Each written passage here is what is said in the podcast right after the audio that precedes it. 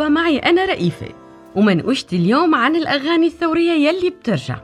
الأغاني الثورية بتنكتب بأصعب الطرق وبتتلحن بأصعب الطرق. هلأ صار فينه الواحد يعمل غنية كاملة أو عمل فني متكامل من موبايله بأي مكان بالعالم. بتتألف وبتتلحن الغنية ولا مين شاف ولا مين دري. بس في الملايين عم تسمع. لما بنسمع أغاني الشيخ إمام أو أغاني قعبور أو سميح شقير من زمان بالتسجيلات أو الحفلات.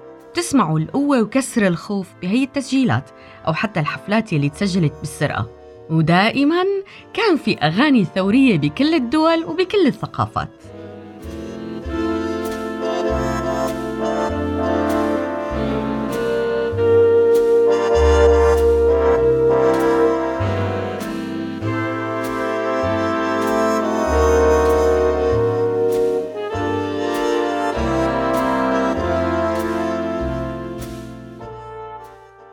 الثورة السورية كان فيها كتير أغاني. بلشت مع يا حيف للفنان الكبير سميح شقير.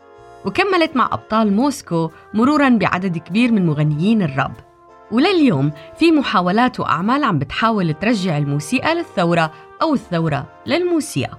بس اليوم مع الثورة المصرية المتجددة عم بنشوف كيف بترجع أبرز أغاني الثورة المصرية. يلي استحضرت أول شي غنية شيد قصورك على المزارع الصالحة لكل عصر وزمان.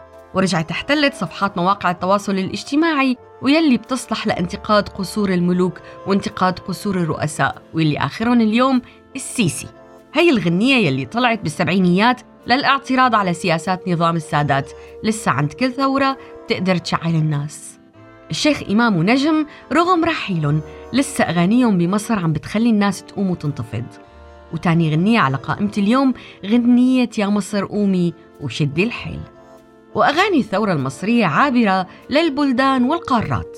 فسمعناها بساحات أمريكا وفرنسا وأكيد عنا بسوريا.